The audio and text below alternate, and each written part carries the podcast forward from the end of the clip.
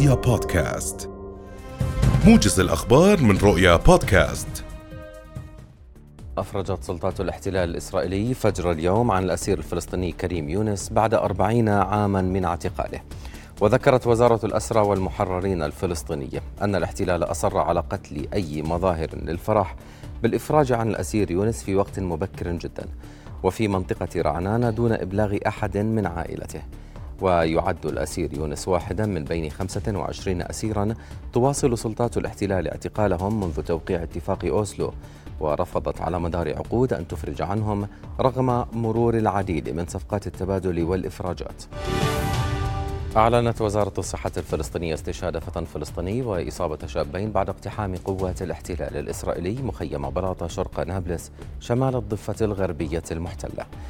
وأفادت مصادر محلية أن قوة إسرائيلية خاصة تسللت إلى وسط مخيم بلاطة فجر اليوم وحاصرت منزل أسير محرر واندلعت اشتباكات مسلحة عنيفة وأعلنت مجموعة عرين الأسود عن مشاركتها بالتصدي والاشتباك مع قوات الاحتلال.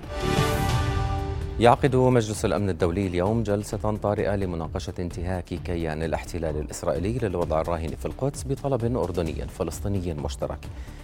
وقال المندوب الدائم لدولة فلسطين لدى الأمم المتحدة الوزير رياض منصور إن الجلسة ستعقد مساء اليوم وستناقش الانتهاكات الإسرائيلية في القدس خاصة بعد اقتحام وزير الأمن الداخلي الإسرائيلي إتمار بن غفير لباحات المسجد الأقصى. قال رئيس لجنة الحريات في مجلس النواب بسام الفايز إن كل قانون عفو عام له مبرراته خاصة الاقتصادية منها. وأضاف الفايز للرؤية أن 40% من النزلاء في مراكز الإصلاح والتأهيل هم أرباب أسر مؤكدا أن مجلس النواب تبنى مذكرة للمطالبة بإصدار مشروع قانون عفو عام ولم يأتي الرد من الحكومة حتى الآن. قال مدير إدارة الطرق في وزارة الأشغال العامة والإسكان المهندس معن الربضي إن الأضرار على الطرق الخارجية بسبب السيول الناتجة عن عن مياه الأمطار اقتصرت على طريق واحد في منطقة أم الرصاص. وحول إنشاء برك لتجميع مياه الأمطار ومنع السيول من قطع الطرق أكد الربضي لرؤية أن ذلك يحتاج إلى شراكة مع وزارتي المياه والري والزراعة مبينا أن مياه الأمطار التي هطلت خلال المنخفض الأخير لم تكن متوقعة.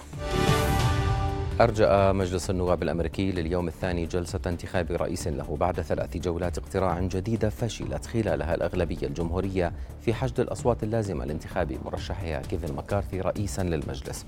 وعلى غرار جولات الاقتراع الثلاثة العقيمة التي جرت الثلاثاء أدلى النواب يوم أمس بأصواتهم في ثلاث جولات اقتراع جديدة لكنها باءت بالفشل.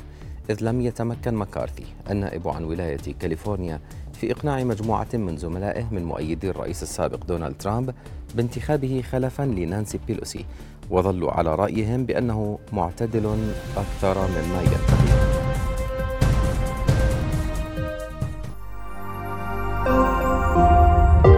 رؤيا بودكاست.